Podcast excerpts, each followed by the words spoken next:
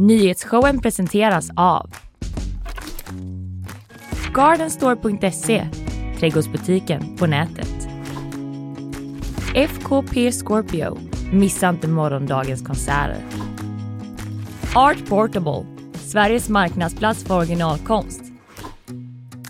Zcooly, mattespelet som gör kunskap kul.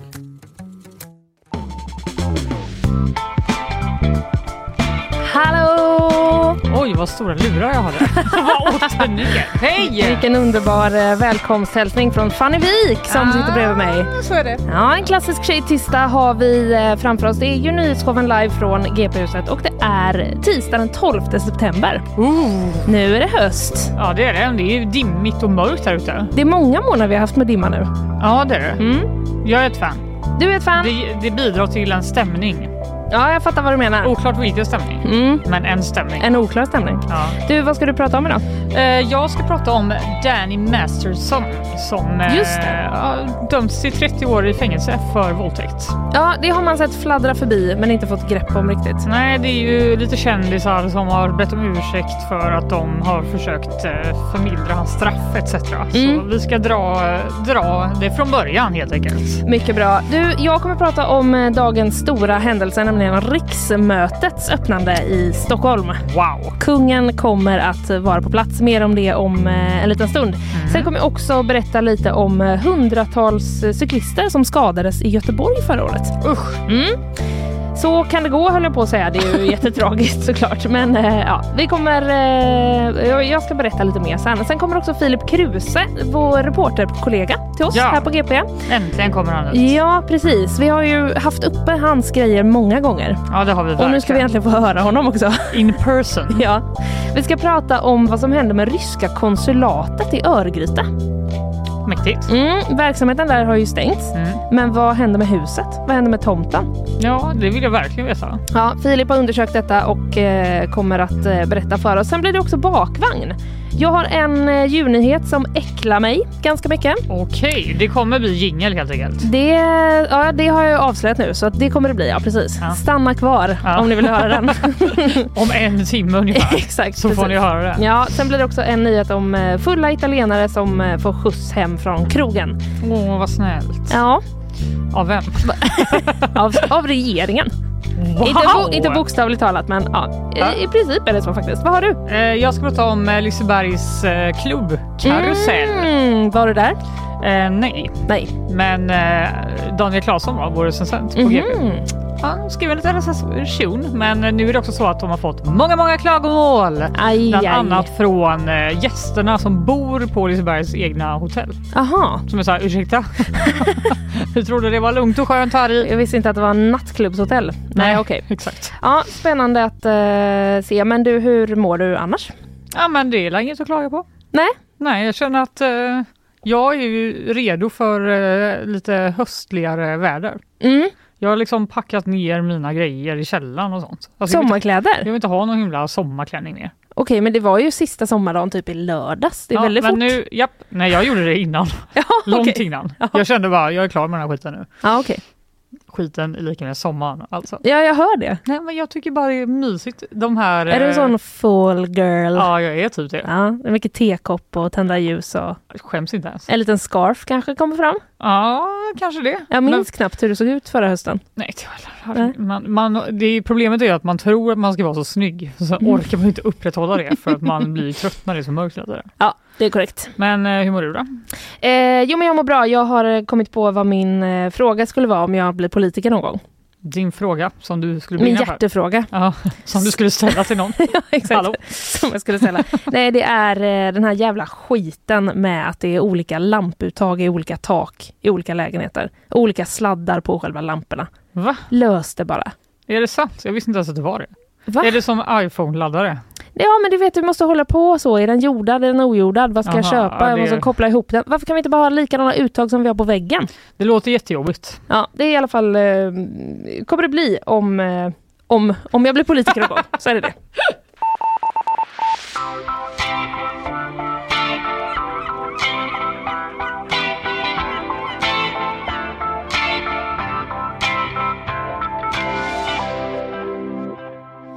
Idag är det dags Fanny idag. Eh, riksmötet öppnar. Mysigt och coolt. Mm, det betyder egentligen då att eh, nu börjar riksdagsledamöterna igen efter sommaren.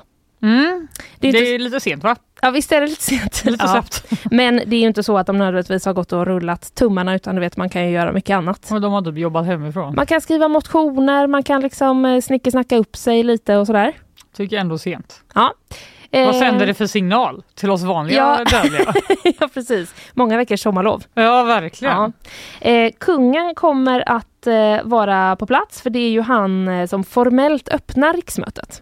Eh, ja, Mm. Har du sett eh, något sånt här någon gång? jag har nog det. Ja. Det ringer verkligen i klockan när Mm. du säger det. Mm. Det är alltså en eh, stående arbetsuppgift. Det är en av hans stående arbetsuppgifter. Man kan också kalla det att eh, liksom, det han öppnar är riksdagens arbetsår kan man säga. Mm. Så heter det liksom riksdagens arbetsår 2023 2024 nu då. Tänk om han hade öppnat vårt arbetsår. Ja, Vilken Välkomna grej. till Way Out West! Det vi eh, ringer och ser om man kan göra det nästa år kanske. Mm, Mm. mm. Ehm, för det är ju inte heller ett enda långt möte. Nej, Fast det är ju det på ett sätt. det Men man, är inte det och det är det. Exakt. Förklara dig. Nej men det pågår ju liksom. Det är ju som ett, eh, som ett jättelångt möte med pauser då, och helger och sånt. Ja, just det. Men det pågår ju ändå från nu fram till typ midsommar. Så är det liksom. Nu är de... Mardens möte. Herregud alltså. Verkligen. För den som då är intresserad av det här så vill jag bara tipsa om att eh, man kan titta på hela det här kalaset livesänt. Kommer du göra det eller? det, finns en viss, redo! det finns en viss risk att jag, att jag har det på lite grann och myser i bakgrunden. Eh, man kan kolla på eh, riksdagens egen hemsida om man vill. Ja. Men man kan också kolla på eh, SVT2. Va? Är Ja. det sant? Du, där har de Jaha. laddat upp. Det sätter igång klockan 12.55 Mm. och sen håller det på till 16.15. Nej, fy. Jag tycker att inga möten ska vara längre än en timme. Ja, nej men vet du vad, det här är lite mer. Det blir, man, först får man liksom mingel och försnack. Okej. Sen får man då själva ceremonin i riksdagen, då är det kungen som Ja, eh, bla bla bla bla. Och Mm. sen även statsministern som läser upp eh, regeringsförklaringen. Jaha. Efter det, då blir det lite kommentarer från debattörer och Mats Knutsson intervjuar partiledare i trapphallen. Har jag läst. Det låter jättemysigt i och för sig. Ja, lite mingel sådär. Ja, det kanske blir en liten titt då. ja, det, finns, ja, det finns en risk. Eh, men det kommer vara ett större pådrag också än vad det vanligtvis är. Mhm. Från polisens sida. Och det är ju då på grund av säkerhetsläget. Mm. Det höjda, eh, den höjda terrorhotsnivån då gör att det kommer finnas fler poliser ute på gatorna i Stockholm och eh, det är tydligen också så att liksom, eh, allmänheten är mycket bättre nu på att tipsa polisen om mystiska saker som man ser. Mhm. Så de får liksom mycket fler, det har de ju också sagt att de vill ha. Ja, det blir ju lite svårt. Mm, De har ju efterfrågat det. precis. Men eh, det kan ju bli en eh, ökad belastning på Det- dem, låter det som. Exakt, det blir, en, eh, det blir fler samtal helt enkelt. Så här säger polisens kommenderingschef Anders Rissel till Ekot. Vi förstärker upp säkerheten extra utifrån kanske hur det har sett ut tidigare år. Just för att kunna agera på fler platser samtidigt utifrån att informationen till polisen har ökat. Vaksamheten hos medborgare gör att, att vi får mer information som vi behöver agera på. Och vi har eh, en god förmåga, det har vi alltid, men, men en god förmåga att agera på olika typer av angrepp eller olika typer av situationer som uppstår. God förmåga Fanny. Eh, för olika typer av saker. Situationer som uppstår. ja, okej. ja. Något ja. litet tjafs i lunchkön. Ja, ja, absolut. Det Mm. har de god förmåga att eh, hantera. Mm. Eh, utöver kungen då som jag nämnde så kommer också resten av hovet att vara där. Mm. Och eh, för kvinnorna då i hovet så är det tradition med en viss klädkod vid just riksmötets öppnande. Okej. Ja, svart och vitt ska man ha. Va? Mm. Visst är det lite udda? Ja, det var lite konstigt. Jag vet inte riktigt varför. Kan det vara någon form av liksom seriositet man vill? Ja, Visa på. Alltså, det är ju inte jättefestligt. Nej, det är det inte. Så någon slags eh, symbol måste det väl vara. Ja, vi får forska i det sen. Det blev i alla fall pinsamt kring det här 2015. Mhm. För då rapporterade Expressen att eh, prinsessan Madeleine och prinsessan Sofia valde näst intill identiska kläder. Nej! jo, det är sant. Va? Ja, båda bar då, skriver Expressen, en svartvit dräktjacka, svarta kjolar och svarta pumps.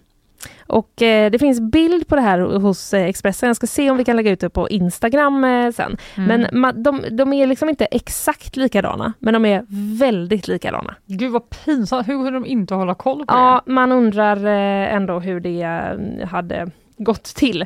Men det finns mycket alltså att hålla utkik efter. Ja. Eh, om man är sugen. Eh, vi får väl se om eh, de kanske har lärt sig att snacka ihop sig då, prinsessan Madeleine och Sofia. Alltså, jag tror aldrig man gör ett sånt misstag två gånger. Nej, deras stylister borde i alla fall. Jag tänker mig att de har såna. Ja, det är klart de har. Ja. De bara, hur kunde du? Hur? Det var jag som skulle ha den Det är jackan. den enda uppgiften förutom att välja ut allt jag ska eh, ha på mig. Ja. Men eh, 12.55 alltså idag så eh, drar det igång. Du, jag tänker fortsätta bara. Ja, alltså varför inte? Ja. Varför ska jag ens vara här? Nej, jag vet inte. Tack Linnea.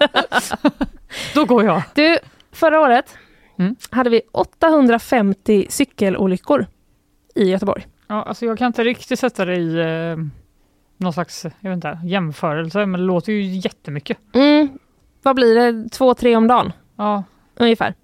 Eh, och det, de här 850, det är alltså alla de här är sådana där personer eh, har skadats. Där det uppstår personskador.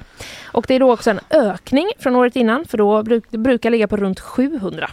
Jaha, Ja, det var ju tråkigt. Ja, det var, var det faktiskt. Särskilt drabbat är eh, centrala Göteborg. Mm. Mm, Det kunde man ju tro. ja, Brunnsparken, Korsvägen, Centralen, Järntorget. Mhm. Att Mm, man ens mycket- vågar försöka cykla där kände jag. Nej, det är mycket att ha, hålla koll på. Många olika håll man behöver vända sig Ja, om. det är det. Mm. Och eh, inte minst då Vasagatan Japp! Japp, japp, japp. i dina hoods. Där bor jag. Ja. Livsfarligt. Har du sett många cyklister ligga på marken och... Nej, men jag tänker varje dag bara, om jag inte dör idag, då vet jag inte. Alltså det är livsfarligt. Mm, jag skulle för aldrig alla våga liksom, cykla. eller? Aldrig våga cykla. Nej. Jag cyklade ett tag till jobbet, men Ja. det var för läskigt. Jag tänkte just fråga dig om du har cyklat till jobbet någon period. Men Ja, ja, det har jag, för det är Mm. ju jättenära. Ja. Det går ju väldigt fort. Mm. Men det är liksom inte värt det. För Nej. att folk kör liksom i så här 300 kilometer i timmen. Mm. Och så bara ligger man typ cyklar helt normalt som en normal människa. Och så bara och så kommer det någon sån jävla lyckra gubbe med är typ en sån reflexväst Mm. och bara nej, alltså då får du köra på typ motorvägen. Jag bryr mig inte. Flytta på dig. Och nu är det ju då att jag går till jobbet. Ja, Men det är också farligt. det är också farligt. Så jag vet inte vad statistiken är på det. Men det är säkert ännu värre. Ja. Det gör ju ont att bli påcyklad. Den statistiken eh, har jag faktiskt inte men eh, ja det är ju så här, vi, i, just vid på Vasagatan då så är det 35 olyckor om året Mm. ungefär och det blir ju i snitt typ tre i månaden då Mm. har jag räknat ut. Problemet är att cykelbanorna byggdes på en tid med helt annat trafiktänk. De är inte anpassade för att underlätta för cyklister, säger då Ian Fiddis, ordförande för Cykelfrämjandet i Nej, Göteborg. de är inte anpassade för att underlätta för trottoargående människor heller. Nej, vad har du för tankar om Göteborg som cykelstad? Nej, det verkar värdelöst och farligt. Och grejen är också att det som är problemet med Vasagatan är ju att man måste köra, alltså folk kör ju över med sina bilar va? Mm. Så Ja, det då ska de bil, alltså korsa spårvagn. allén. Ja, Och på, i allén cyklar folk och går. Mm. Så det är liksom bilar, eh, spårvagnar, bussar, Mm. cyklar och eh, gång... Vad heter det? Gångare tänkte jag säga. gående personer.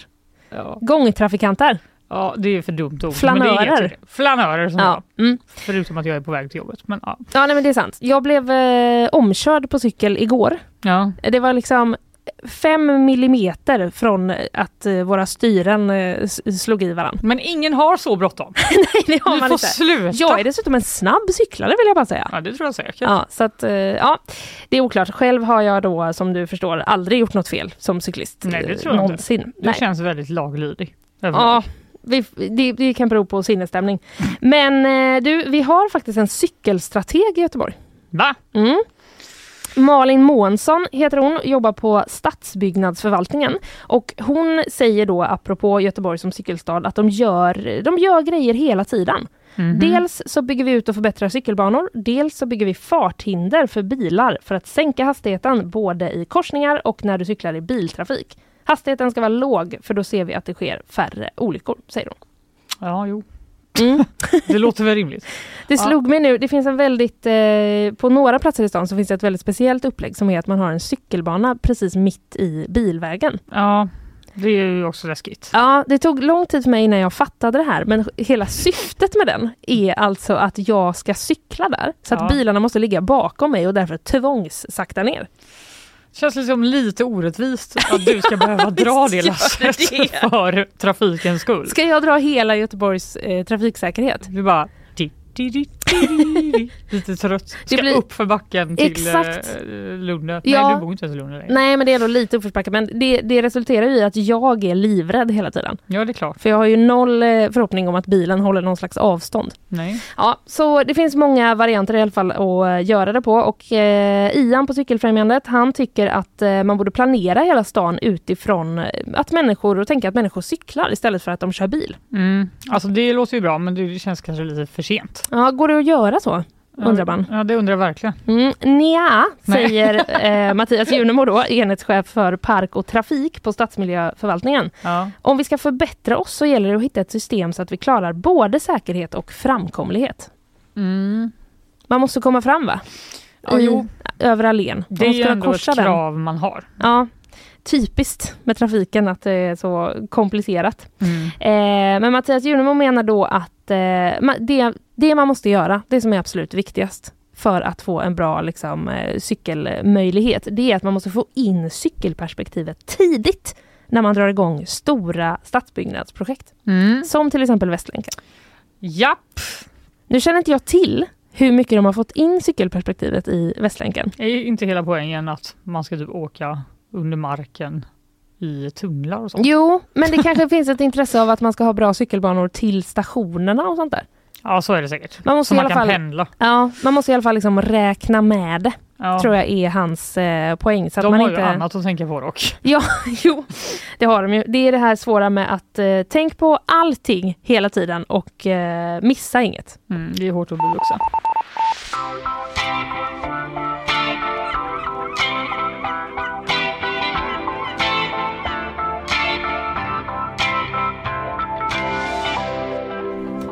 Nyhetssvep blir det alldeles strax, men eh, först har vi lyssnat på våra sponsorer. Nyhetsshowen presenteras av Gardenstore.se, trädgårdsbutiken på nätet. FKP Scorpio, missa inte morgondagens konserter. Art Portable, Sveriges marknadsplats för originalkonst. Zcooly, mattespelet som gör kunskap kul.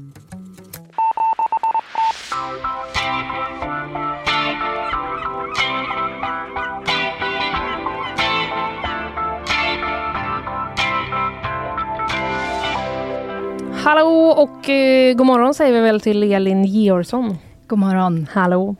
Du, eh, ett nyhetssvep ska du leverera till oss. Stämmer. Vi kör igång på en gång. Arbetet med att få stopp på den afrikanska svinpesten i Västmanland fortsätter. Nu ska alla tamgrisar inom den smittade zonen slaktas efter beslut av Jordbruksverket. Och det ska göras för att undvika risken att få in smitta i tamgrisbesättningar. Oron växer nu också hos köttproducenter hur exporten kommer att påverkas. Redan har länder som Sydkorea, Japan och Ukraina stoppat griskött från Sverige. Turkiet skickar hjälp till Libyen där minst 150 människor omkommit i översvämningar. Och många fler dödsfall befaras. Landet har vädjat om internationell hjälp och beskriver delar av Libyen som en katastrofzon. Turkiet bidrar nu med flygplan, räddningsteam, tält och mat. Det rapporterar nyhetsbyrån Reuters. Nordkoreas diktator Kim Jong-Un har rest till Ryssland enligt ryska statliga medier, det uppger TT. Ett tåg med Kim Jong-Un i spetsen har tagit sig över gränsen och nu väntar ett möte med president Vladimir Putin. Där man väntas diskutera möjligheterna för Nordkorea att förse Ryssland med mer vapen att använda i kriget mot Ukraina. Utbytet, ja det ska vara avancerad teknik för satelliter till Nordkorea och Kim Jong-Un uppges också vilja ha matstöd till sitt land. Mm, visst var det något speciellt också med det där tåget eller har jag bara fått för mig det? Att det skulle vara liksom bepansrat? Ja, precis. Det ska det nog vara. Det var det. Ja, Och, och väldigt många. Väldigt många. Mm. Ja, all right. Eh, det går ju att eh, läsa mer om eh, de här grejerna på g.se också om man eh, Precis. vill. Och eh, vi ses om en stund igen Elin. Jajamän.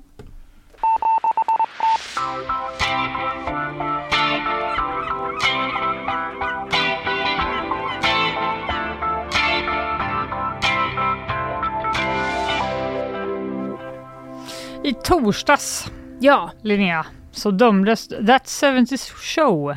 Minns du? jag minns så väl. Ja. Mm. Det han som spelade eh, Hyde, Stephen Hyde. Mm. Han heter alltså Danny Masterson. Han dömdes till minst 30 år i fängelse för två våldtäkter. Ja. Minst 30 år. Minst. Ja, han har suttit eh, häktad sedan han fälldes för de här brotten i maj. Mm. Eh, men det var då under torsdagen som det här straffet meddelades av en domare i Los Angeles. Mm. Och eh, han nekar själv till brott och hans försvarsadvokat har redan meddelat att vi kommer överklaga Mm. den här domen. Det, det kommer vi sätta igång med med en gång. Men det är ju ett ganska mastigt straff ändå. Eh, Det hårdast möjliga man kan få för dessa brott Jaha. enligt eh, nyhetsbyrån AP. Ja. Och Masterson har rätt att ansöka om villkorlig frigivning efter 25 år och 6 månader. Okej. Men han riskerar också att få sitta i fängelse livet ut. Oj! Om det är så att han sitter i 30 år, vilket ju är det han är dömd för då, Mm. då är han alltså närmare 80 när han Mhm. kommer ut sen. Men vad vet vi då om de här brotten som han har fällts för? Jo, eh, första gången som Danny Masterson hördes i rätten var i november 2022 och det var efter att tre kvinnor hade anklagat honom för tre olika våldtäkter då, som ska ha ägt rum i hans hem i Hollywood Hills eh, någon gång mellan 2001 och 2003. Så det är ju Aha, länge sedan. långt tillbaka. Ja, det var alltså under den perioden som han var med i That 70 Show och hade Ah. fått sitt stora genombrott Mm. och blivit känd helt enkelt. Eh, enligt åklagarna så ska eh, Danny Masterson ha drogat kvinnorna och de har alla vittnat om att de har känt sig yra, svaga och inkapabla att röra sin kropp efter att de har druckit en drink som han har gett dem då vid Uh. eh, separata tillfällen. Och sen har de blivit våldtagna helt enkelt. Och till saken hör också att eh, Danny Masterson är medlem i scientologikyrkan. Jaha. Eh, och de här brottsoffren eh, då, de har också varit medlemmar i scientologerna under den här perioden när brotten begicks. Mhm. Så åklagaren menar då att Masterson har använt sin ställning inom samfundet för att liksom, utnyttja de här kvinnorna, läser jag i Variety. Han eh, hade helt enkelt ganska hög status Mm. inom scientologerna eftersom han då var väldigt känd. Det är ju många Ja, ja, ja. kändisar som är med eh, och som är ansiktet utåt för den här rörelsen, eller Mm. vad man ska kalla det. Alla de här tre kvinnorna har vittnat i rätten om att scientologikyrkan då avrådde dem från att anmäla brotten när de hade berättat att de hade blivit utsatta för det. Åklagaren har till och med gått så långt som att säga att de förbjöds att anmäla våldtäkterna till polisen av scientologikyrkan. Eh, och de kvinnorna själva säger också att kyrkan förs- medvetet försökt dölja eh, hans brott eh, och varit så här, vi kommer liksom hjälpa honom Okej. att komma undan med det. En av de här tre personerna då, hon har fötts in i scientologikyrkan. Eh, så hon har liksom alltid varit medlem där och hon berättade i rätten att hon förlorade kontakten med alla hon någonsin känt och hela sin familj efter att hon gick till polisen.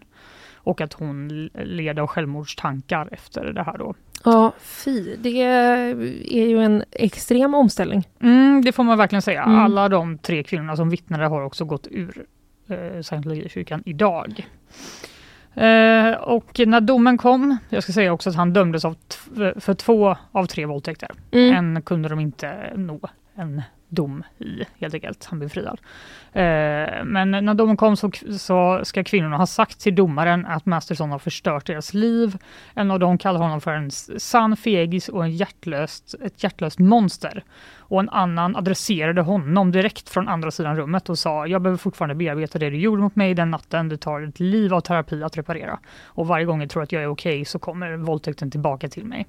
Alltså 20 år efter Mm. att det hände. Eh, och den tredje kvinnan sa att hon led av PTSD efter det här. Så de har ju verkligen eh, lidit Mm. i väldigt många år för de, det här då. Masterson han nekar till samtliga brott och eh, ja, oavsett så fick han då 15 år per våldtäkt han dömdes för. Just det. Och de ska han eh, sitta av i en samlad tid, så det Mm. blir 30 år då helt enkelt. Och inför att straffet skulle meddelas så hade ju hans två skådespelarkollegor, Ashton Kutcher och Mila Kunis, Mm. som ju också var med i 70 Show. De var ju liksom ett gäng Ja. Eh, och de var alla jätteunga. Jag tror att Mila Kunis var typ 14 år när de spelade in eh, 70 Show. Är det sant? Eh, Så de är ju liksom barndomsvänner. Ja. De har i alla fall skrivit varsitt brev till domaren där de vittnade om Danny Mastersons goda karaktär i något slags försök att hålla straffet nere då. Ja, Okej. Jag tror, jag är inte helt säker, men att det kan vara så när det är också något som har skett för väldigt länge sedan. Att man är Mm. så här, han är en jättebra person idag. just det. Att det kan vara förmildrande då.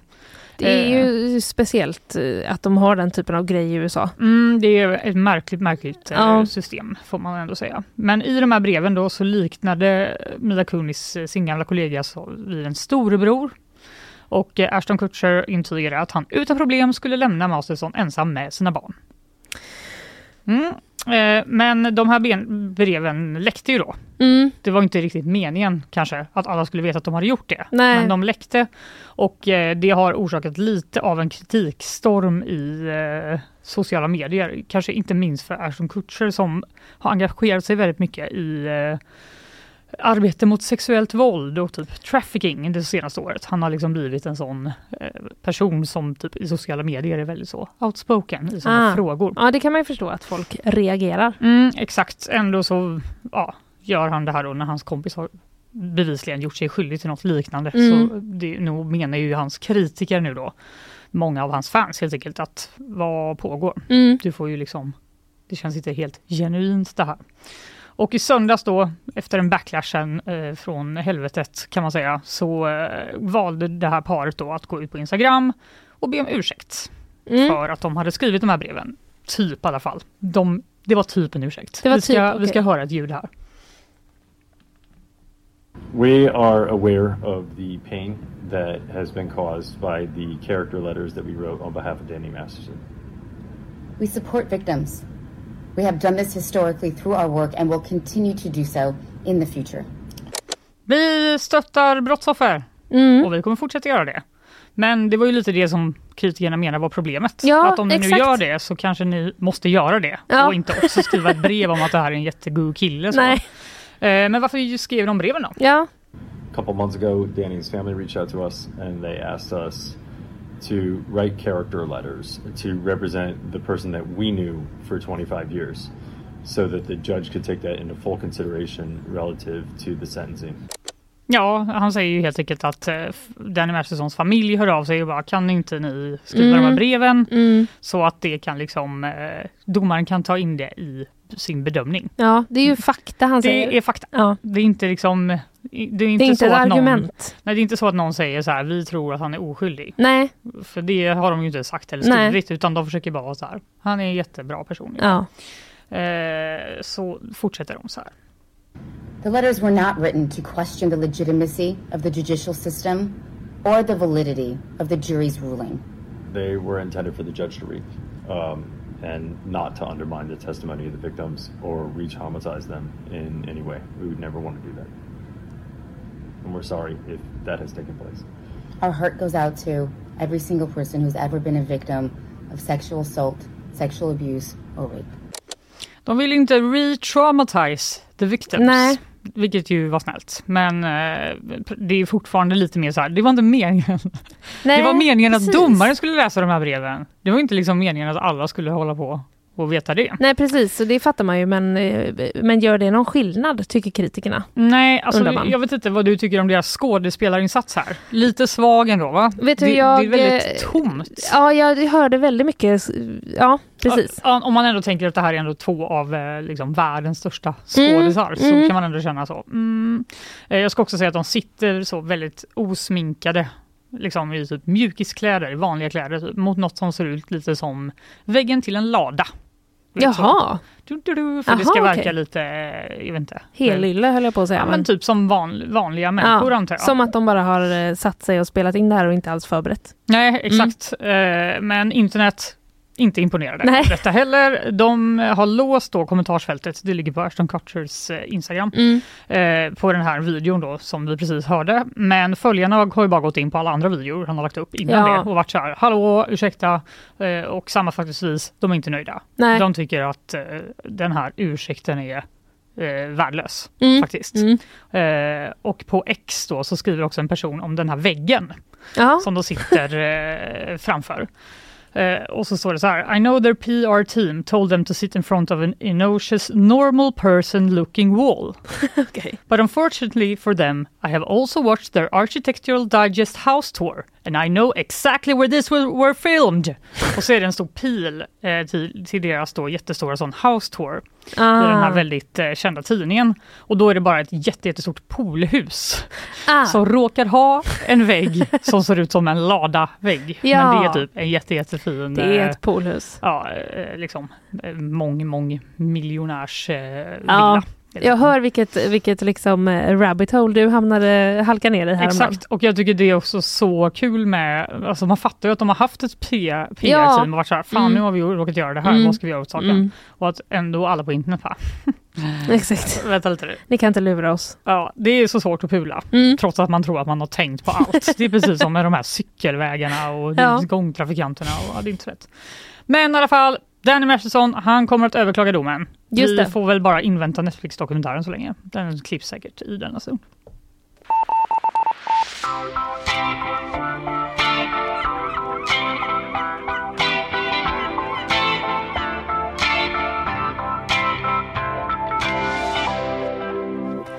Nu blir det snart gäst Fanny! Ja! Vad händer med det mystiska ryska konsulatet i Örgryte? Ja, Som nu bara, bara, ja. eh, står helt tomt enligt mina uppgifter. det känns väl onödigt. Ja, precis. Skulle du kunna tänka dig att flytta in?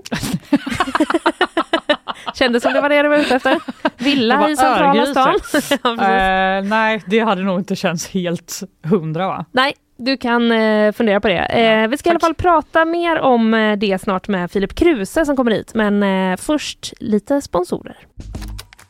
Nyhetsshowen presenteras av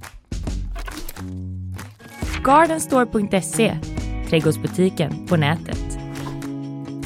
FKP Scorpio Missa inte morgondagens konserter. Art Portable Sveriges marknadsplats för originalkonst. Zcooly Mattespelet som gör kunskap kul. Ja, I Örgryte så ekar en mörk tegelbyggnad tom som förut då eh, huserade det ryska konsulatet. Och nu så undrar väl vi alla, vad ska hända där egentligen? Mm. Politiker i Göteborg vill eventuellt köpa loss tomten, men hur lätt är det? Nu har vi med oss vår reporter här på GP som har undersökt detta. Välkommen Filip Kruse! Tack så mycket. Du, eh, om, vi, om vi ska backa lite först. När var det det här konsulatet stängde och, och varför? Vad gav de för anledning? Det stängde under våren eh, och Ryssland eh, angav då att det var eh, väldigt komplicerat för dem att bedriva diplomatisk verksamhet här i det uppskruvade läget. Massa, eh, massa protester utanför huset och sådana saker. Men det som hade, det som liksom hade mm, hänt innan det var ju att Sverige eh, skickade hem fem ryska diplomater som, som Sverige menade var underrättelseofficerare. Mm. Ehm, så, och då svarade Ryssland med detta och eh, dra in tillståndet för eh, Sveriges konsulat i eh, Sankt Petersburg Mm. och även då skicka ut fem svenska diplomater. Så det kom ju under våren. Det var liksom ett eh, del i det här diplomatiska spelet. Just det, en liten ni gör så och så gör vi motsvarande. Exakt, exakt. Ja. Ja, men de stängde i alla fall. Och hur vet man hur det ser ut där nu? Det finns lite liksom, bilder på vår sajt där man kan glutta en aning, men Ja, alltså det är ett ganska spännande hus för det är inte så många som har varit inne där. Framförallt inte, alltså allt eftersom Ryssland blivit mer och mer tillknäppt och eh, auktoritärt som land så har väl de här charmoffensiven från liksom, konsulat och sånt eh, glesats ut. Mm. Eh, men jag vet för typ 20 år sedan drygt var vår eh, kollega Christian Wedel där och har skrivit eh, liksom roligt om, om huset och hur det är där inne. Men annars är det inte så många som har varit där inne. Framförallt men inte på varför var senare han år. där? Ja. men då var det också någon charmoffensiv från den ryska konsuln. som- tebjudning, Ja exakt, kom och kolla hur vi har det. Oj, det här Eh. måste vi, finns det här eh, på internet att läsa? Någonstans finns den i något eh, gammalt gammalt arkiv. Vi får leta fram det. Ah. Jag tror att det finns liksom Ja. möjlighet eh, att um, återkomma till det ämnet. Ja. Eh, men annars så har det ju varit ett ganska öde hus. Det har inte varit så mycket aktivitet i det. Liksom. Det, Mm. det är andra lokaler som används för visumansökningar och sånt och ofta har de väl hänvisat till ambassaden i Stockholm. Så det är inte så att det är ett hus som eh, någon har liksom haft no, eller sällan har haft någon liksom, eh, anledning att besöka. Nej. Mm. Ehm, så det är väl lite oklart vad de har gjort. Men eh, när man pratar med folk i området och själv är där så ser man ju Alltså det har varit länge sedan man såg någon Det är inget ställe där det myllrar riktigt. Liksom. Nej. Det är en stor mörk byggnad bara. Ja. Kan, man se, kan man se in någonting på något sätt? Alltså om det är liksom helt tomt eller? Nej, det kan man inte. Jag satt och letade och hittade väl liksom lite bilder från en mottagning som någon har lagt upp på Facebook typ så man kan ändå se hur det ser ut där inne. Men, men det är ju eh, de här mörka tonerna, mörk mahogny, Mm. eh, massiva, massivt trä. Ehm, men eh, ja, jag har aldrig varit där och det är väl få som har varit där, framförallt på senare år. Men det verkar som att de också nu har hämtat ut alla möbler.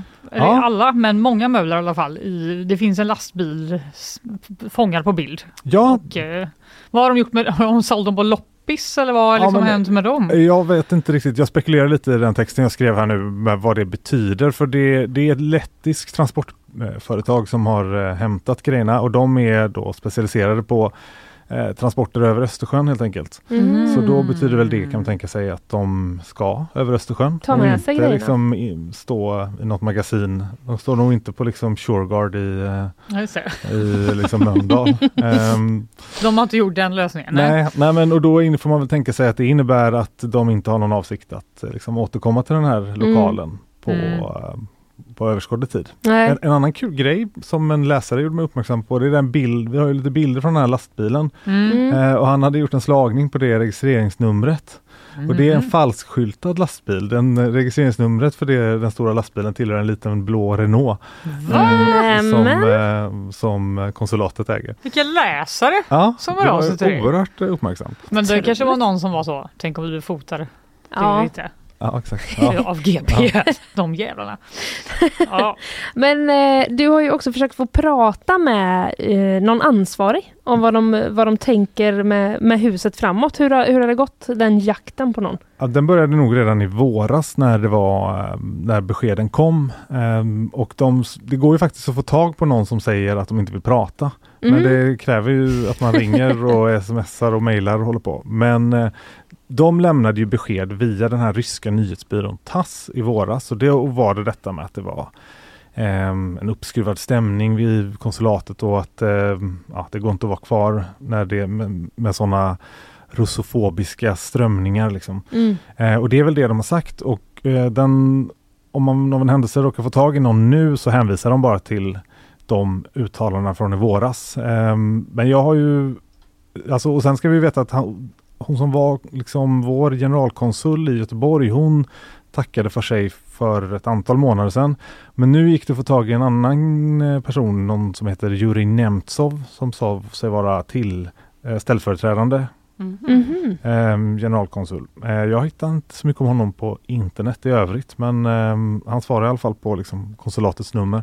Och han hänvisar då till ambassaden och ambassaden säger du kan läsa vad, vad vi skrev i våras. Ja, och sen är Ah. det skicka lite mail och så gör, med lite frågor och så gör man det. Och sen så hör man inget mer. Hur många samtal uppskattar du att du har ringt i det här ärendet? Ja, om till konsulat eller till, till ryska, ja det är väl en 25 kanske. Utspritt över eh, några månader. Du är ändå Mm. uthållig, det får man ge dig ja, det får man säga. Men hur är det med liksom huset och marken? Vad, man får ju liksom eh, en känsla av att när det är ambassad eller konsulat då liksom ägs hela den markbiten av det landet. Vad, stämmer det i det här fallet eller vad gäller? Ja, men det stämmer i det här fallet att det är ett, eh, helt enkelt ett företag, ett bolag som ägs av ryska staten som heter, eh, inte så fantasifullt kanske, men eh, det heter helt enkelt Rysslands generalkonsulat eller liknande Mhm. och eh, Mm. AB och eh, äger liksom den här marken. Så det är då, det är då helt enkelt i rysk ägo, vilket också då komplicerar saken lite Mm. för, vad liksom, för vad som kan hända med byggnaden och, och liknande. Mm, på Eh, vilket sätt då? Är det, är det mer komplicerat än om ett, vilket företag som helst hade ägt det? Nej, men man hade kunnat tänka sig att det inte hade varit ett ägande på det sättet utan kanske ett arrende från stan. Mm. Då hade ju det betytt att när kontraktet sägs upp så, så får eh, liksom staden tillbaka marken och kan göra något annat med den. Men här har man då valt en, eller här är det helt enkelt, eh, Ryssland köpte loss den här marken på 70-talet, någon gång. Mm. Sovjetunionen då och eh, sen och där är vi nu. Liksom. Det är en gammal eh, synd helt enkelt som vi får betala för nu. Ja, det fanns nog ingen tydlig plan för vad som skulle hända där på 70-talet när det här gjordes om från eh, vad heter det, Jakobsdals hem för sinnessjuka. Ehm, Oj! Det låg liksom en gammal byggnad där, jätte liksom, fin eh, från ja, någon gång på 1800-talet. Mhm. Eh, liksom, Mhm. nästan som ett, um, en herrgård Mm. eh, som revs där någon gång. Och eh, så kom de här planerna på att det skulle bli ett eh, ryskt konsulat istället. Men finns det något sätt som man kan liksom ta över om det bara får stå och förfalla och det blir liksom jätte, kanske farligt på något sätt att det bara står där? Finns det något sätt att ta över det då? Eh, alltså det, det är så, man kan bara komma in på det att det är också den här Wienkonventionen och vilka regler som gäller för diplomater och för liksom eh, Alltså de kommer ju också in här och så länge det bedrivs diplomatisk verksamhet där så åtnjuter de ju ett skydd. ehm, Att, vi, att ja, helt enkelt Sverige får inte beträda marken eller göra saker. Men det är väl lite oklart när det skyddet eh, försvinner. Men om den diplomatiska, när jag har pratat med experter om det så säger de att när den diploma, diplomatiska verksamheten lägger ner då finns det ju inte heller något att skydda. Så då är det inte så att liksom diplomatin sitter i väggarna utan det måste Nej. liksom bedrivas diplomati för att man ska få, få det skyddet. Um, nej men vad man kan göra är väl helt enkelt att försöka få ett svar från Ryssland ifrån stadens sida om det går att köpa den här marken. Mm. Eh, men det är ju inte heller en helt eh, em, simpel sak. Den, det, och liksom bedriva affärer med Ryssland idag har ju sina egna utmaningar. Ja, det är helt enkelt att man riskerar att bara ge pengar som hamnar i krigskassan. Ja, Eh, För dem helt Göteborgs skattebeta- liksom skattebetalares pengar eh, till liksom, eh, Putins krigskassa är väl inte helt eh, kanske en jättebra lösning. Och, det, och då skulle man då behöva göra någon lösning där man dels eh, får prata med Ryssland och de är tillmötesgående och säger att vi säljer gärna detta. Eh, men vi förstår att vi inte kan få pengar av er nu. Mm. Så vi kan väl liksom ta detta när kriget är klart. Mm. Eh, vilket eh, inte låter helt troligt att det händer. Nej, Mm. det låter väldigt diplomatiskt i och för sig. Ja, ja, det låter ju oerhört resonligt och, och, och rimligt. Men, eh, ja, nej, men det, det kommer väl inte ske. Och, och, sen, och då kommer vi till den andra frågan med hela kriget i Ukraina. Mm. Idag ser det ju inte ut som att det håller på att ta slut eh, liksom den närmaste tiden. Och den frågan ligger ju och låser den här lilla frågan. Mm. Ehm, så det är väl väldigt oklart vad som kan ske och vad som kommer att ske Mm. med konsulatet. Men vad säger eh, Göteborgs stad? Har de liksom fått några besked om vad Ryssland planerar med det här huset? Eller? Från tjänstemannahåll så har de inte hört någonting och de har inte heller undersökt det speciellt mycket än. Mm. Eh, däremot så är det på gång lite politiska initiativ eh, på att man ska undersöka vad som går att göra med det. Men de har liksom inte kommit så långt med det. Nej. Vi- Är det så att Ryssland skulle kunna sälja tomten till typ vem som helst som de vill? Eh, ja, det skulle de väl kunna göra i princip som jag förstår det. Ehm, och det innebär ju att andra som skulle vilja ha ett konsulat faktiskt har ett, det står ett och väntar på den som, på den som är, känner sig manad. Ja, jag Mm. kommer inte ihåg vem det var nu i din text som sa att de skulle kunna sälja till Kina till exempel. Ja, och precis. det hade kanske inte heller varit så gött. Kristdemokraternas Elisabeth Land var lite inne på det att eh, det gäller att eh, staden på något sätt får tag i den här marken först så att man inte får in Kina där eller eh, någon annan. Ah. mm, Ett, Just det. ett lite oväntat eh, problem helt plötsligt. ja men exakt. Ja. ja, men det finns eh, ju då ja, bland annat Elisabeth Land som du nämnde, men politiker som är inne på att köpa loss eh, tomten. Alltså vad, eh, vad ger de för liksom anledning till, eller det var kanske den du nämnde här. Ja men de, alltså Elisabeth Land är med där från, från Kristdemokraterna och även Demokraterna då. Och eh, så är det Moderaterna. De tre har en, ett, ett gemensamt yrkande på att undersöka vad som går att göra med tomten. Mm. Och det är väl också för att ehm, det är ju ett jättesvårt läge men det kan ju också vara ett ganska bra tillfälle att göra någonting med, um, alltså få, få tillgång där helt enkelt till en Mm. jättefin bit mark jättenära stan. Liksom, Mm. Som har dessutom, det är ganska apart plats att ha en, eh, konsulat på och det var det ju liksom redan på 70-talet när det här var på gång. Det var ju väldigt liksom det, det ligger inga andra sådana byggnader i närheten där. Det, Mm. det var ganska liksom, ehm, det är ganska sk- skum placering Mm. eh, Ja, kan man nog säga. det får Och- man ändå säga. Ja, Radhus och cykla till eh, Delsjön till exempel och så Ja, kommer Rysslands exakt. konsulat. ja, Ja. ja men och, så, och få loss den marken och göra det till, eh, ja, det politikerna ser framför sig är väl att det hade gått att göra en vacker stad, radhus, alltså något sånt Mm. där.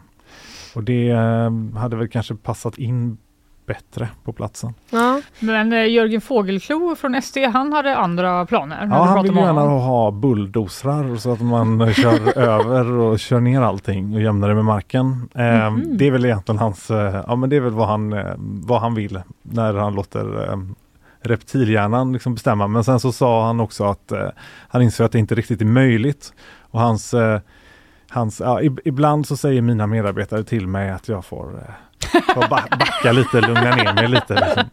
Um, så de, de, det de vill rent faktiskt och rent politiskt är väl ungefär samma som eh, det här yrkandet då. Att de också bara vill se vad, vad som går att göra. De står inte med på det yrkandet men de, ehm, de står väl för ungefär samma eh, lösning. Mm. Men finns, finns det någon då som är, som är emot att man skulle kunna eh, göra detta? Eller vad säger oppositionen? Alltså jag tror att alla politiker i Göteborg inte tycker att det är en jättebra situation och framförallt inte om det blir liksom utdraget och att huset står tomt. Mm. Ehm, alltså, vi vet ju liksom inte ens om Ryssland avser alltså underhålla det. De kommer inte ha någon, eller om de kommer liksom ha någon verksamhet där alls. Om de har någon liksom mindre publik verksamhet på platsen. Eller, eller om de helt bara bommar igen och har ett vaktbolag som cirkulerar några gånger per dag. Alltså, Mm. det, det läget är ju, ehm, är ju liksom inte bra för någon ehm, ja, i stan. Så, och det är liksom ödehusscenariot, det vill Mm. ju ingen ha. Ehm, Men sen är då frågan vad man kan göra. Och där är det väl ehm, eh, Liberalerna som inte står med på det här yrkandet med sina eh, med de partierna som de oftast an, annars går, liksom går samman med. Eh, för de tycker helt enkelt inte att det går att prata med Ryssland alls. Att det, Mm. det är bara att hålla sig därifrån just nu. Liksom. Mm. Det är inget alternativ. Nej, så de ser ingen lösning och eh, ärligt talat så när man pratar med de politikerna som ändå vill undersöka saken så är de inte heller jättehoppfulla att det här går att lösa ut. Framförallt inte Mm. på liksom, kort sikt.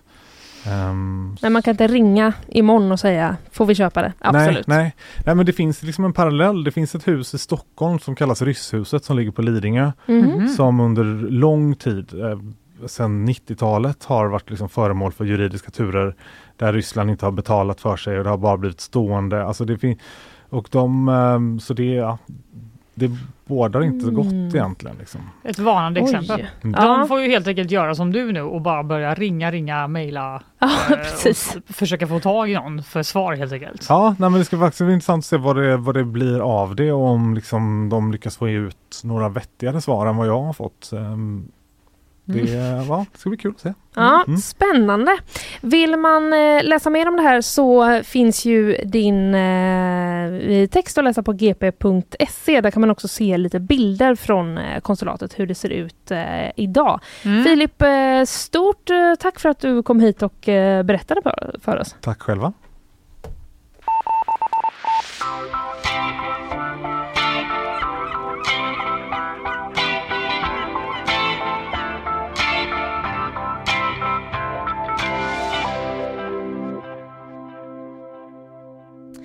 Ja, vi eh, rullar vidare som vi brukar göra men eh, vi börjar med eh, att lyssna på våra sponsorer.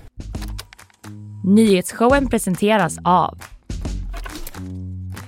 Gardenstore.se, trädgårdsbutiken på nätet. FKP Scorpio, missa inte morgondagens konserter. Art Portable, Sveriges marknadsplats för originalkonst. Zcooly, mattespelet som gör kunskap kul.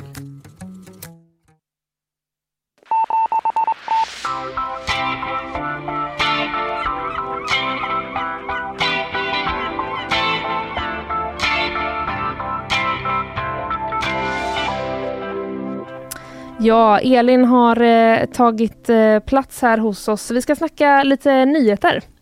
Eh, Precis, jag tänkte för att hålla oss lite nyhetsuppdaterade i detta nu så kan jag säga att, eller berätta att en person har hittats eh, skottskadad i ett trapphus i Uppsala eh, tidigt i morse.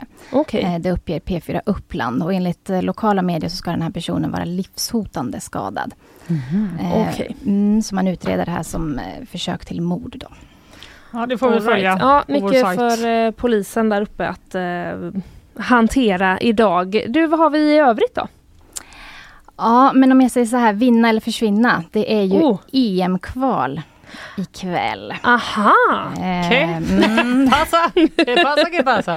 herrarna fotboll, kommer ni sitta bänkade 2045? Eh, nej. Jag kommer nog tyvärr inte göra det. Men, Vi kommer eh, tyvärr vara inne på riksdagen.se och kolla på kungen istället. Ja men det låter väl, eh, det är en alltså. jätteviktig match Ja, det är det ju. Precis, det är ju Sverige mot Österrike, eh, Mm. Friends Arena i Solna. Det är en ödesmatch. Ursäkta mig. Och jag ska säga att det här beskriver GPs Robert Laul i en artikel på gp.se just nu och svarar på frågor om den här matchen. Ah. Så eh, vill man ha expertkunskap så är det ju där man ska kika. Ah. Så titta inte på oss. Men jag tänkte att vi ändå kunde reda ut vad som, Absolut. vad som gäller. Ja. Eh, hoppet om EM Mm. eh, lever. Mm. Sverige behöver ju dock vinna nu då. Mm. Eh, för den här matchen blir avgörande om man ska nå slutspelet eh, nästa sommar då. Som kommer att gå i Tyskland. Tyskland skulle chansa på Malmö. Men jag-.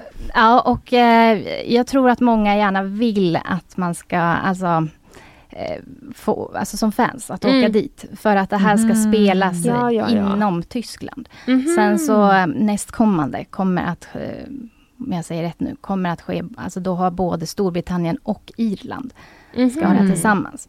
Eh, och jag ska säga att jag har själv varit på ett sånt EM. Oh, är det sant? 2008. Hur var det? Då var det liksom både Salzburg och, nu ska jag säga, Österrike ska jag säga, och Schweiz. Mhm. Och då blir det lite det där pendlandet mellan matcher och sådär. Ja, så jag tror att man liksom vill hålla, man Ja, det är gärna attraktivt liksom att det är liksom till Tyskland. Samma, ställe. Eh, precis. Ja. Mhm. Men okej, så om, de, eh, om vi liksom förlorar ikväll, då är, då är vi helt rökta?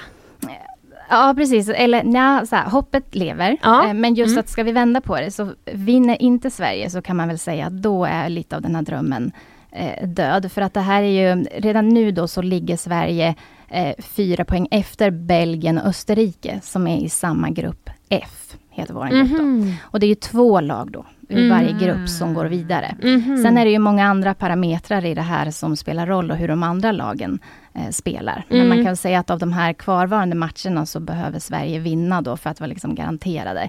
För att det är också en match kvar då mellan de här topplagen i gruppen då. Eh, Mhm. Belgien och eh, eh, Österrike och, och liksom vinner Sverige rubbet då måste ju de ju såklart, och då spelar ju de en match och då kommer ju liksom ett av dem Ja, säga just då- det. ja. Precis. Det spelar roll eh, hur det går för oss själva men också hur Ja. det går för de andra. Ja, precis. Ja. Typiskt. Det känns som vi kanske måste bjuda in eh, Robert. Ja, men Ja, det är väl inte omöjligt. Vi får se hur det går då. Ja. Först. Okej, ikväll alltså är Ja, det men dags. sen kan man väl säga att det kan ju finnas ett lite självförtroende då sen i helgen när Sverige spelade mot Estland, där man faktiskt vann. Mm. Eh, så, mm, men det är ju mycket som kanske också står på spel om man tänker lite så här, alltså i större perspektiv då av att om man tänker damlandslagets senaste framgångar så Mm. liksom är det ju så ganska mycket för den här förbundskaptenen kan jag tänka mig. Ja, ser lite press. Precis. De känner den. Du, vad eh, i övrigt framåt eh, idag? Vad händer? Ja men riksmötet har ju ni nämnt. Mm. Ehm, sen är det också så att eh, Sverige ska återlämna två antika konstföremål till Italien idag. Mhm. Mm, och det här sker i väldigt så pampig ceremoni. Då. Ja. Eh, och det är en, eh, bland annat en torso, en skulptur i marmor från romartiden. Och Oj. även ett guldmynt. När snodde vi de här sakerna? Ja, men precis, jag, det står nämligen ingenting i Nej. något sådär PM om varför, men, men det får man väl ta för givet för att eh, eh, jag läste att USA har redan lämnat tillbaka tidigare i somras ett antal, eh, då, då handlar det om väldigt många fler, 250 antika stulna föremål. Men då kan vi ändå känna att vi bara har två. Ja. Men det, Det var, hedrar oss. Precis, det är, det är nya tider nu. Man kan inte bara roffa åt sig vad man vill ha och ställa på museum. Nej, Nej, det är, det är väl för väl. ja det är Ändå. väl för väl. Mycket bra Elin. Eh, vad spännande den här ceremonin. Det ska jag googla upp och se hur den eh, går till. Du, eh, tusen tack för idag. Tack själv.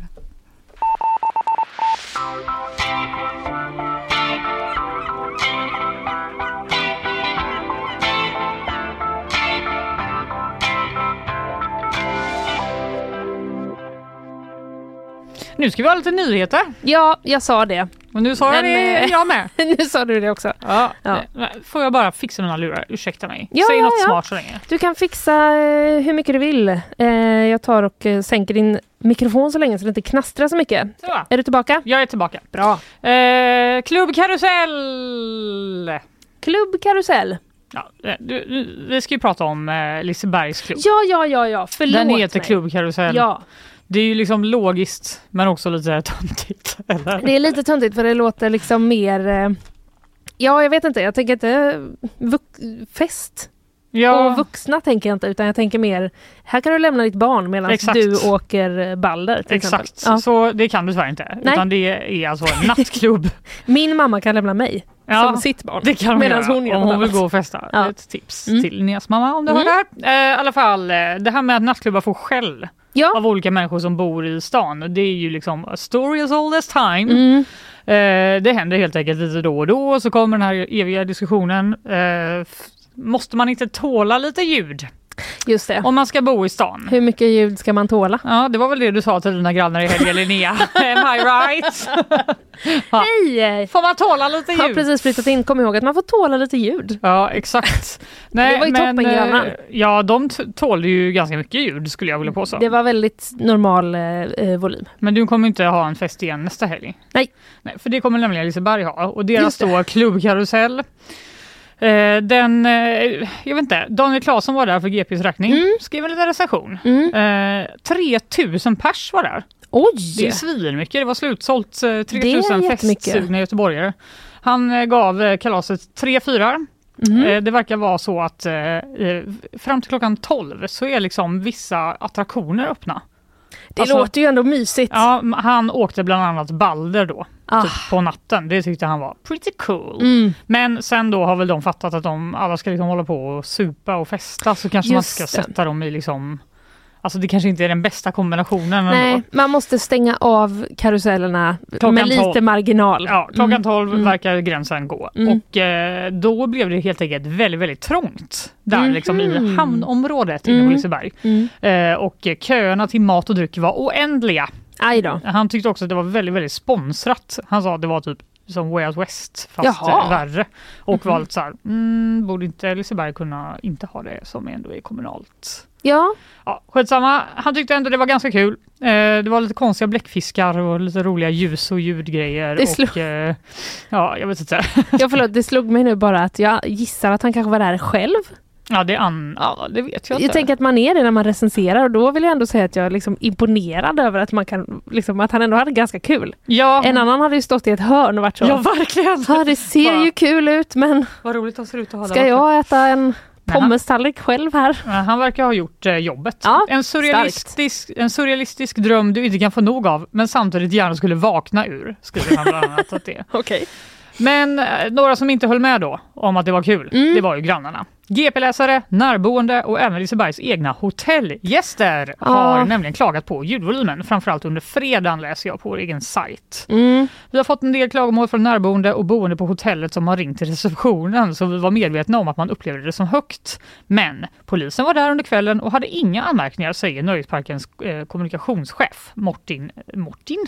Morten Westlund. Jaha okej. Eh, Liseberg Är det alltså definitionen av att det inte var störigt? Att Nej, polisen sa att det inte var störigt? Men det är väl typ något väldigt tydligt att luta sig mot. Ja det är sant, det är ändå de- en myndighetsbedömning. Ja, de har liksom sökt tillstånd hos polisen Mm. och eh, hos Göteborgs stad för att kunna ha den här då, alltså spela hög musik på kvällstid. Det Mm. var ju olika DJs då som Mm. spelade fredag och lördag. Eh, och eh, enligt Mårten Westlund då så ligger de under den, under den tillåtna decibelnivån. Ja, Okej. De skulle kunna spela ännu högre! Men på lördagen så valde de då att sänka volymen efter att de hade fått eh, massa klagomål på fredagen. Eh, men han säger ändå så här. Det är så när vi har stora evenemang i staden, även på Ullevi. Då hör vissa av sig som inte tycker om ljud. Men ljud är en del av att leva i en stad och jag tror att folk tycker det är positivt att vi har de här evenemangen. Ja, det Det är, är ju ändå så- lite skillnad på Ullevi.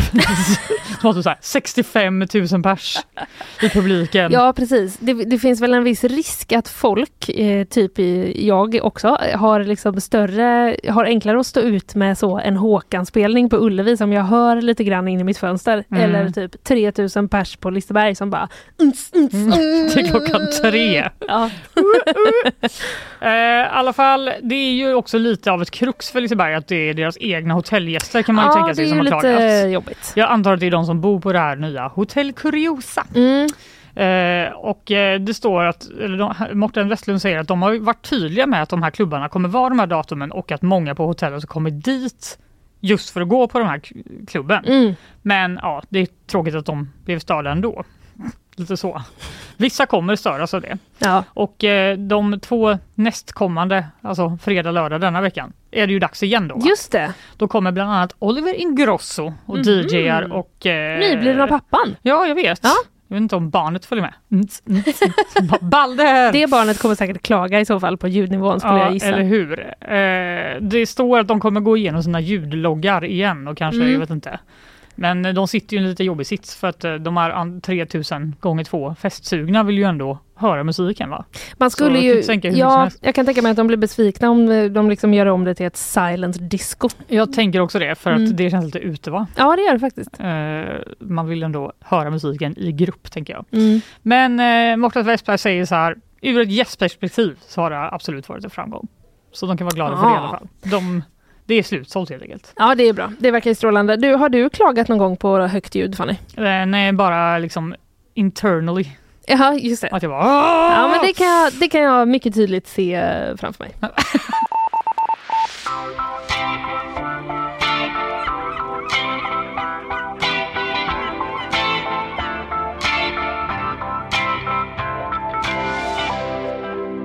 Vi drar till Italien.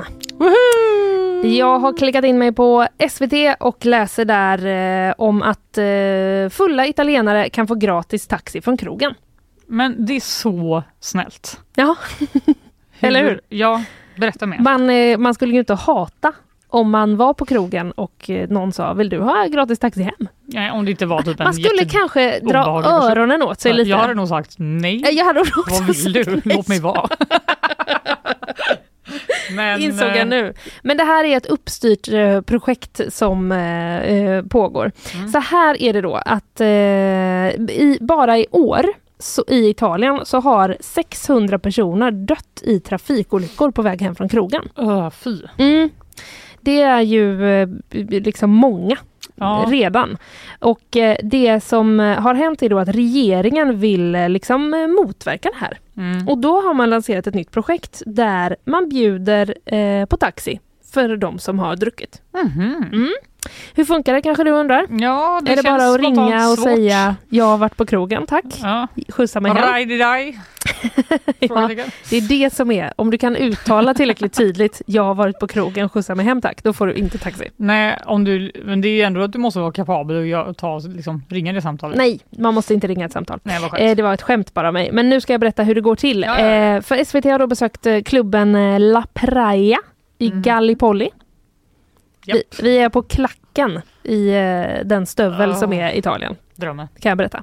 Eh, de är med i det här projektet och då är det helt enkelt så att när man har festat eh, klart, då får man blåsa i en vanlig alkomätare. Mm. Och om den då visar att man har druckit mer än den lagliga gränsen för att köra bil, Mhm. då får du gratis eh, skjuts hem. Jaha, så de typ står vid parkeringen då och bara Det- det- hallå? Du vet du, det är som att de hade, såg jag i klippet, att, eh, som att de har som en liten sån testcontainer, du vet under covid. När det fanns liksom som en liten barack utanför vissa vårdcentraler där man fick gå och testa sig. Men wow! Det var som en sån som är uppställd. Så går det in liksom folk där och så får de blåsa i den här och så får de reda på liksom, man eh, om man är över eller under gränsen. Jag bara, fan jag skulle ha druckit mycket mer. Fick jag Ja, taxi? För det var en grej som jag tänkte på också, att det kanske också finns en eh, liksom viss sidogrej att man blir så, nej jag var inte över gränsen, jag går in och tar en till bara. Ja, Och, så, och så blir det... för att man kanske ändå är lite förpackad för att köra. Ja, Men inte enligt eh, decibel. Nej, Nej. decibel. Det är ju ljud. ja precis, promille. Ja, promille. Mm. Ja. Jag är Ehm, kvar på klubb karusell som du hör.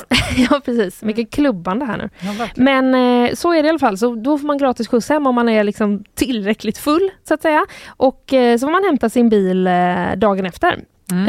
Eh, Simona då, som SVT träffade utanför, utanför den här klubben, hon tycker det är ett bra initiativ Mm. att eh, man ska ställa bilen om man har druckit. Mm. Eh, oppositionen i Italien tycker att det är eh, slöseri med skattepengar. Ja, okej. Ett annat liksom, eh, alternativ som jag har som förslag Mhm. till Italien är att man bara slutar köra bil full.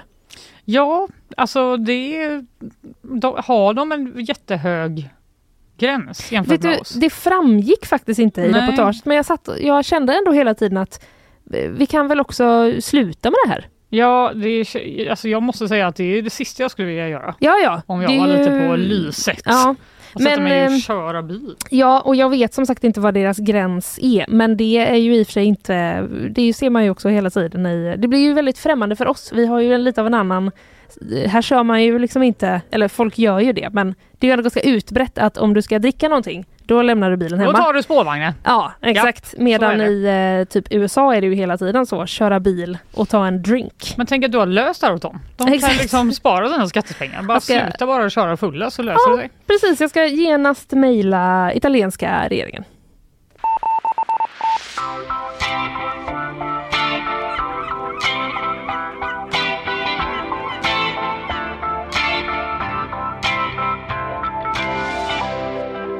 Nu ska vi prata om kändisar och deras dumma dumma namn som de ger till sina barn. Åh, vad mysigt! Ja. Jag kände precis för en sån eh, nyhet just nu. Ja, vad bra. För eh, Tesla-miljardären Elon Musk Mm. och hans före detta verkar det vara. Jaha. Tjej eller fru, jag vet inte. Eh, artisten Grimes. De har fått sitt tredje barn med en surrogat. Eh, vilket Mhm. har gjort att de har kunnat då hålla detta hemligt. Ah. Fram tills nu. Eh, det avslöjas nämligen i Musks nya biografi som jag tror kommer idag. Jag läste några snippets ur den Mhm. innan och det var riktigt mörkt. Oj då. Eh, ja, men eh, barnet har i alla fall då, det är en pojke. Mm. Lite oklart när han föddes, skriver Independent. De vet väl förhoppningsvis. Ja, det får eh, man hoppas. Vi vet inte det. Han har fått namnet Techno Mecanius Musk. Men kallas för Tau. Tau. Techno, Techno- Mecanius. Mecanius. What you think? Mask. Jag tycker det låter som en eh, parfym. Mm, absolut. Eh, Men är inte det någons- Musk som du tänker på? Då? Det kan vara det. det, kan vara det. Inte Techno Mecanius. Eller Eh. någon slags eh, någons användarnamn på eh, liksom, eh, Instagram. Ja. Så döper man sig till det här för det låter lite coolt. Just det. Eh, men det var ju i och för sig bra, bra betyg för honom då. Ja, Tau kanske. kallas han. Mm. Eh, det är då efter den grekiska bokstaven för det irrationella tal som är lika med två gånger pi. Okej, Börjar du störa dig lite mer nu? ja lite. Ja, Och så känner jag, vad är det en symbol för? ja det vet Att jag det inte. här barnet skulle vara irrationellt. Det känns taskigt att döma det så snabbt. Liksom. Ja, Elon Musk och Grimes har ju sedan tidigare två barn. En pojke som ha- heter X A E A X I I som kallas för X. Och Vadå, vänta väl lite, förlåt. Mm. Så att han har alltså döpt om Twitter till samma sak som hans barn heter? Ja, Okej, en tribute. ja. Nej, jag vet inte varför. Det eh, kanske är därför. Han har också en dotter som heter Exa Dark Sideral som kallas för Y. Så Okej. han har nu barnen X, Y och eh, Tau. Tau. Ah, bokstavstema. Ja, Mm. sen eh, byter vi kändis. nu är det dags för Rihanna och ASAP Rocky. Ja. De har också fått sitt andra barn. Mhm. Och även dennes namn har sipprat ut i pressen. Deras första son, han föddes ju då 2022. Så Mm. de hade ju lite bråttom där. Va? Det är ju jätte... Ja, Hur har... Va? jag vet. Hur har det ens hunnits med? Det är hans. Jo, det hinner ju med. Ja. Det var ju i maj 2022 och jag tror att deras... Eh, eh, ja, det är också en son. Son nummer två kom Mm. nu i augusti. Men ja, det gick ju superfort. ja, det är snabbt jobbat. Hon var hooked, Ja. kan man säga. Mm. Eh, men eh, deras första son då är döpt till RZ RZA. RZA. Athelson Mayers som ska vara inspirerad av producenten och rapparen som heter RZA. Från Okej. Wu-Tang Clan. Ja. Nummer två då, han heter Riot Rose Mayers. Det är mycket tredelade namn. Riot Rose. Riot Vad fan är det Rose. för något? vad är det för jävla namn? Alltså, det bara, gud vad störigt, varför skulle man vilja döpa sitt barn till något helt obegripligt? Ja. De ska ju gå genom hela livet Ja det ska de och det som känns, eh, eller det som är grejen är ju också att de här namnen är ju ingen som kallar dem. Nej, Så det- är det ens ett riktigt namn de, de, kanske har? sig kommer kalla dem för Riot. Men stackars Riot Techno, kanske. han fick ju inte ens heta Techno, Nej. han fick ju bara heta heta. Tao. Då skulle jag ändå välja techno om jag var tvungen att välja. Eh, verkligen jag med. Och så tänker jag bara klipp till Sverige. Här får vi liksom inte ens skriva Jesus eller typ turken eller vad det nu var på vår registreringsskylt. App, app, app. Det ska ni ge fan i.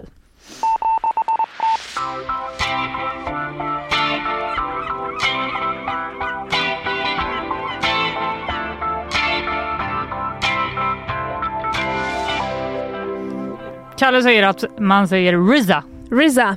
Ja, Det är ju mer ett namn. det är mer, det är mer ett namn absolut men eh, vi kommer ändå fram till att eh, slutsatsen är töntigt. Va? Eller? Var det det vi De landade två boomersarna från Göteborg har talat. Töntigt Rihanna. Töntigt.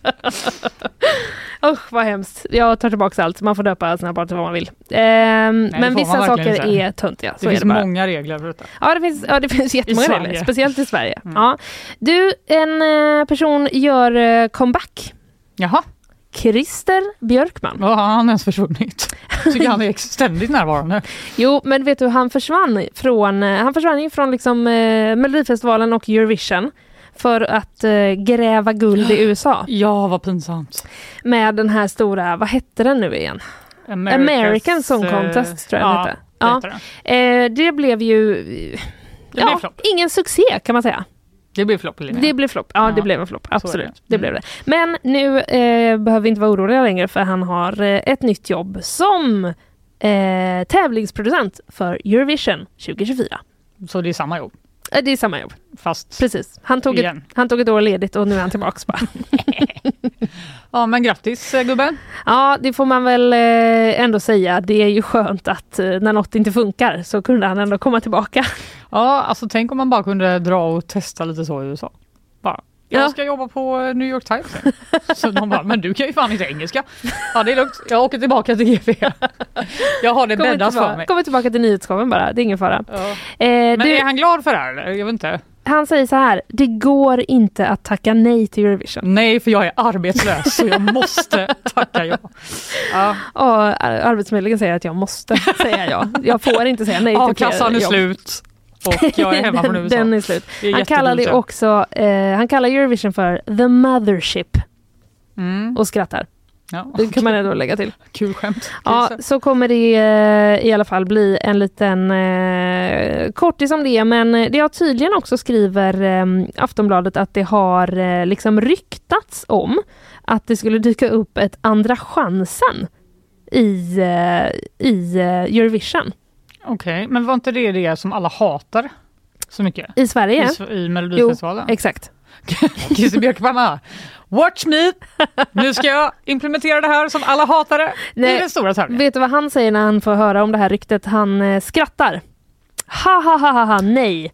Det tror jag inte riktigt är vad vi strävar efter. Han är på så himla gott humör. Han är på toppenhumör. Men tänk vad mysigt, man har varit i USA, man har gjort en grej som inte gick så bra. Så får man komma tillbaka till Malmö och göra Eurovision igen. ja, Känna ja. sig lite hemma Ja, ja, liksom. men det är därför han får göra det såklart, för det är i Sverige. Ja, precis. Det har väl ändå ett finger med i spelet skulle jag misstänka. Ja. Så det var väl en tur i eh, tajmingen för, eh, ja, men för SVT, antar jag. Att eh, Att Det inte gick så sjukt dåligt i USA.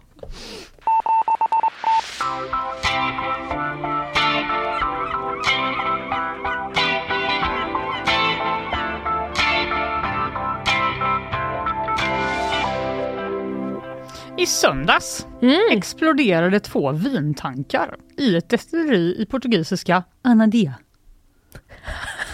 Nej. Nej, är det sant?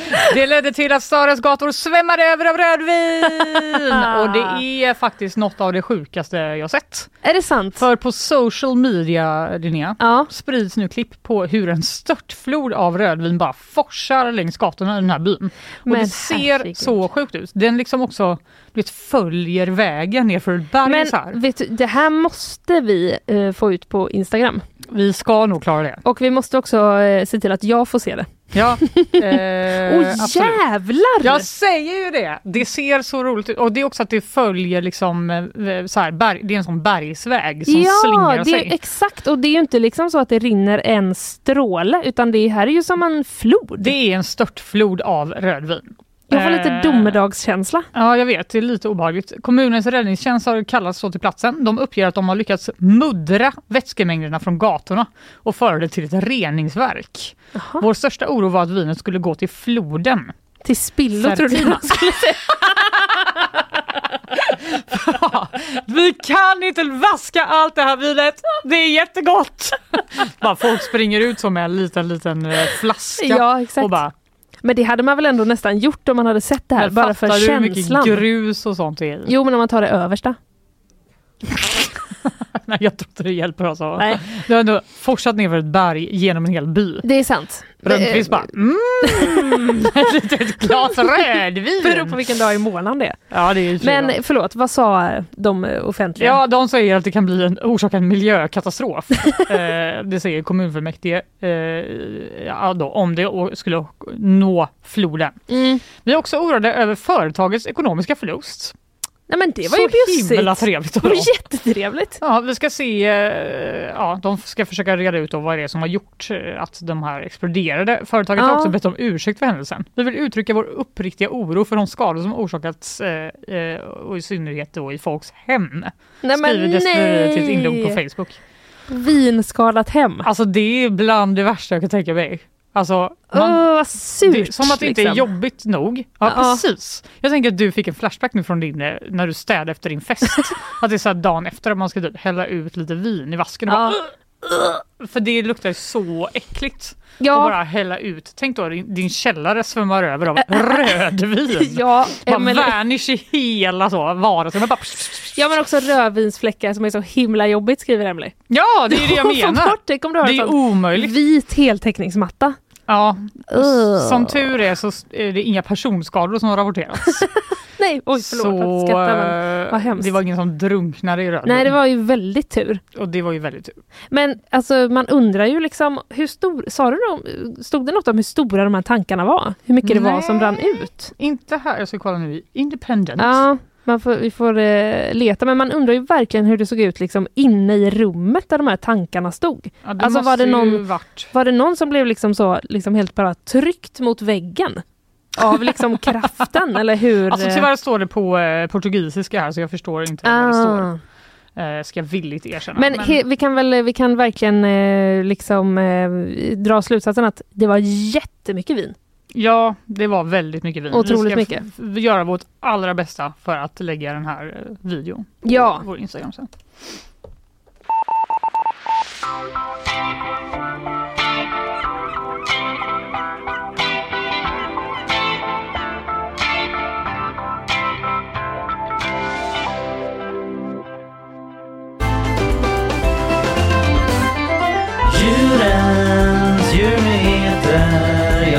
Jag vet det Det blir djurnyheter Djurens djurnyheter Vad är det det heter? Just det, djurnyheter pappa Jag teasade om det och eh, man vill ju inte lämna någon utan att ge ett svar. Nej, Eh, det kändes som en eh, dålig schlagerlåt.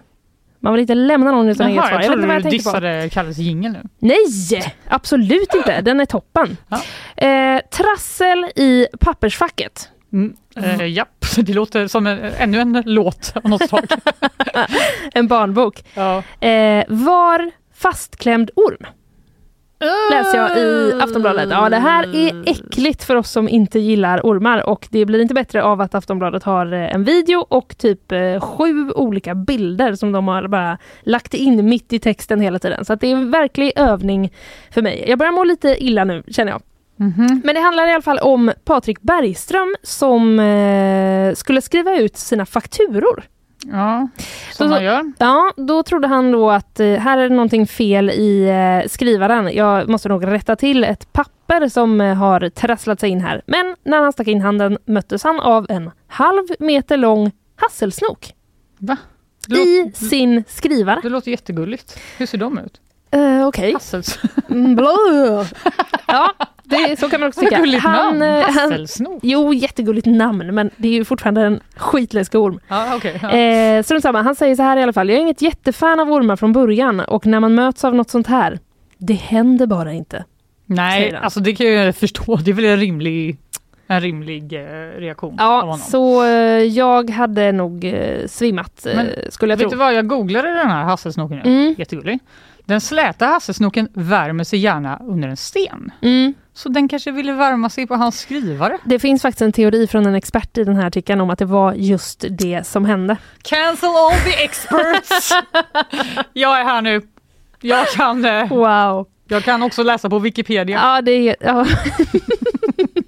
det var taskigt. Det var väl jätte, säkert jätteduktig expert. Ja, det var Ja. nog eh, mer än så. Men vet du, det här var så på eh, Patriks eh, hemmakontor. Vet du var hemmakontoret ligger? Nej. I Göteborg. Nej! Så det har skett på hemmaplan. Den första eh, fakturan gick bra läser jag, men när nummer två skulle skrivas ut fick han då upp ett meddelande om att det var papperstrassel i skrivaren. Jaha. Och då mötte has, eh, möttes han då av eh, en orm. Han och eh, kunde då tillsammans med sin sambo konstatera att själva ormhuvudet hade fastnat i mataren i skrivaren. Antagligen den som matar ut papper misstänker jag då. Aj! Och kom inte loss. Nej men, lille vän. Det fick bli operation. Jag Ja. tog på mig mina MC-handskar och grilltång och tog ut skrivaren till uteplatsen. Wow! Eh, det finns video på eh, Aftonbladet här när Patrik har eh, MC-handskar och en lång, lång grilltång och eh, tar eh, ut den i alla fall. Jag vill bara säga att den är helt ofarlig Jo, för Men- människan. Den har inga giftsändar. Nej, nej, men den kan ju vara läskig ändå. Ja, men det är lite överdrivet kanske. Okej. grill, grilltångar. Jag vet, inte. Jo, men Pengar. hade du tagit den med lillfingret då eller? jag vet inte vad jag hade gjort. Nej, vi kan testa sen. Någon dag när du minst anar det. Ah. Fast jag kommer inte fånga en hasselsnok för jag Ja, antar att de det är känns som det fridlysta. är typ jobbigare för dig än för mig. Ja. Men okej, I alla fall, överlever. han bar ut skrivaren på uteplatsen, plockade ut den med de här skyddsutrustningen och eh, gick iväg med den till skogen. Den var frisk och eh, verkade må bra. Den slingrade Mm. iväg sen. Den bara, tack så mycket. Exakt. Den bara tack snälla, vad det var sjukt läskigt. Jag skulle, jag skulle bara värma mig under en liten sten och så Ja. fastnade mitt huvud någonstans och så kom du med en tång. Men eh, det var ju väldigt snällt. Det är oklart då hur, alltså det är så det är sådana bilder, det är som att ormen verkligen är igenom hela skrivaren. Alltså på olika, ja herregud. Mm. Eh, det är oklart då hur exakt den har kommit in, men Patrik tror att den kan ha krupit in då genom sovrumsfönstret som hade lämnats öppet tidigare. Mhm. Eh, det stod tydligen lite öppet och så fanns det en sån här dynbox eh, precis Ja, ja. nedanför. Så den kan liksom ha varit där och Just det. sen tagit sig vidare in i kontoret. Och precis som du nämnde då, eh, ormexperten Fanny, Japp. så säger också Didrik van Honecker som är jourhavande biolog på Naturhistoriska riksmuseet att ehm, det kan, eh, han, han säger så här, vill man vara lite konspiratorisk eh, så kanske den upplevde skrivaren som varm och tyckte det var ett bra ställe att få värma upp, eh, få upp värmen i kroppen på. Mm. Så det är precis som eh, du eh, sa. Men eh, Ja. det var tydligen också flera grannar till Patrik i den bostadsrättsföreningen där han bor som hade sett en liknande orm på gården tidigare i veckan. Ja men nu kanske den håller sig borta nu då. Man kan, man kan väl ändå hoppas att den eh, håller sig eh, i skogen. Skrivaren fungerar också som vanligt igen. Väldigt skönt. Aftonbladet går till botten. Ja, det är Ställer de toppen. tuffa frågor. Ja, det är toppen. Alla mår eh, så att säga bra. Jag kände ändå att det var också helt okej och eh, jag vet att det inte var en giftig orm men vi har alla våra rädslor. Det- Så är det verkligen. Ja, det finns inget att eh, göra åt. Nu, vi eh, har nått slutet. Ja, Fanny, vad har du pratat om? jag pratar om Danny Masterson som har fått eh, 30 plus år i fängelse och eh, vars kändiskompisar bad om ursäkt för att de försökte få hans eh, straff eh, lite förmildrat. Just det. Snyggt. Eh, jag har då pratat om att idag så är det riksmötets öppnande. Mhm. Kungen är på plats i riksdagen, resten av hovet är också där, massa politiker. Det blir lite mingel, det blir lite en ceremoni blir det. Mm. Och sen då om eh, hur eh, många som skadar sig när man cyklar i Göteborg. Eh, hela tiden. Hur ska jag ens våga gå hem till Vasastan? precis. Ta det försiktigt. Det är också roligt det där att när jag cyklar tycker jag att folk som går och kör bil är värdelösa i trafiken. Och Ja. sen beroende på vad jag gör så byter jag perspektiv. Så är det. Så eh, är det, men ta det lugnt där ute. Men man kan ju åtminstone ha hjälm vill jag ändå säga. Ja, Kom igen faktiskt. Ja, även när man Vi går är vuxna Fanny. nu. Va? det kan du glömma. Ja, eh, vi stänger upp. Sen hade vi Filip Kruse också här ju. Vi pratade om ryska konsulatet i eh, Örgryte. Vilken soppa! Ja. Och den är inte ens på, på väg att redas. Nej precis, verksamheten är nedlagd. De har liksom slutat eh, hålla på och jobba där inne. Men vad händer med huset och tomten? Det verkar lite oklart. Men det finns eh, mer att eh, höra om vad Filip sa. Vi säger väl så för idag va? Ja det gör vi. Producent var eh, Emily Hagbard, eh, Elin Georgsson var här och eh, nyhetssvepade. Du heter Fanny Wik. Ja, och du heter Linnea Rönnqvist! Ja, vi är tillbaka imorgon. God kväll! Hej då! God morgon!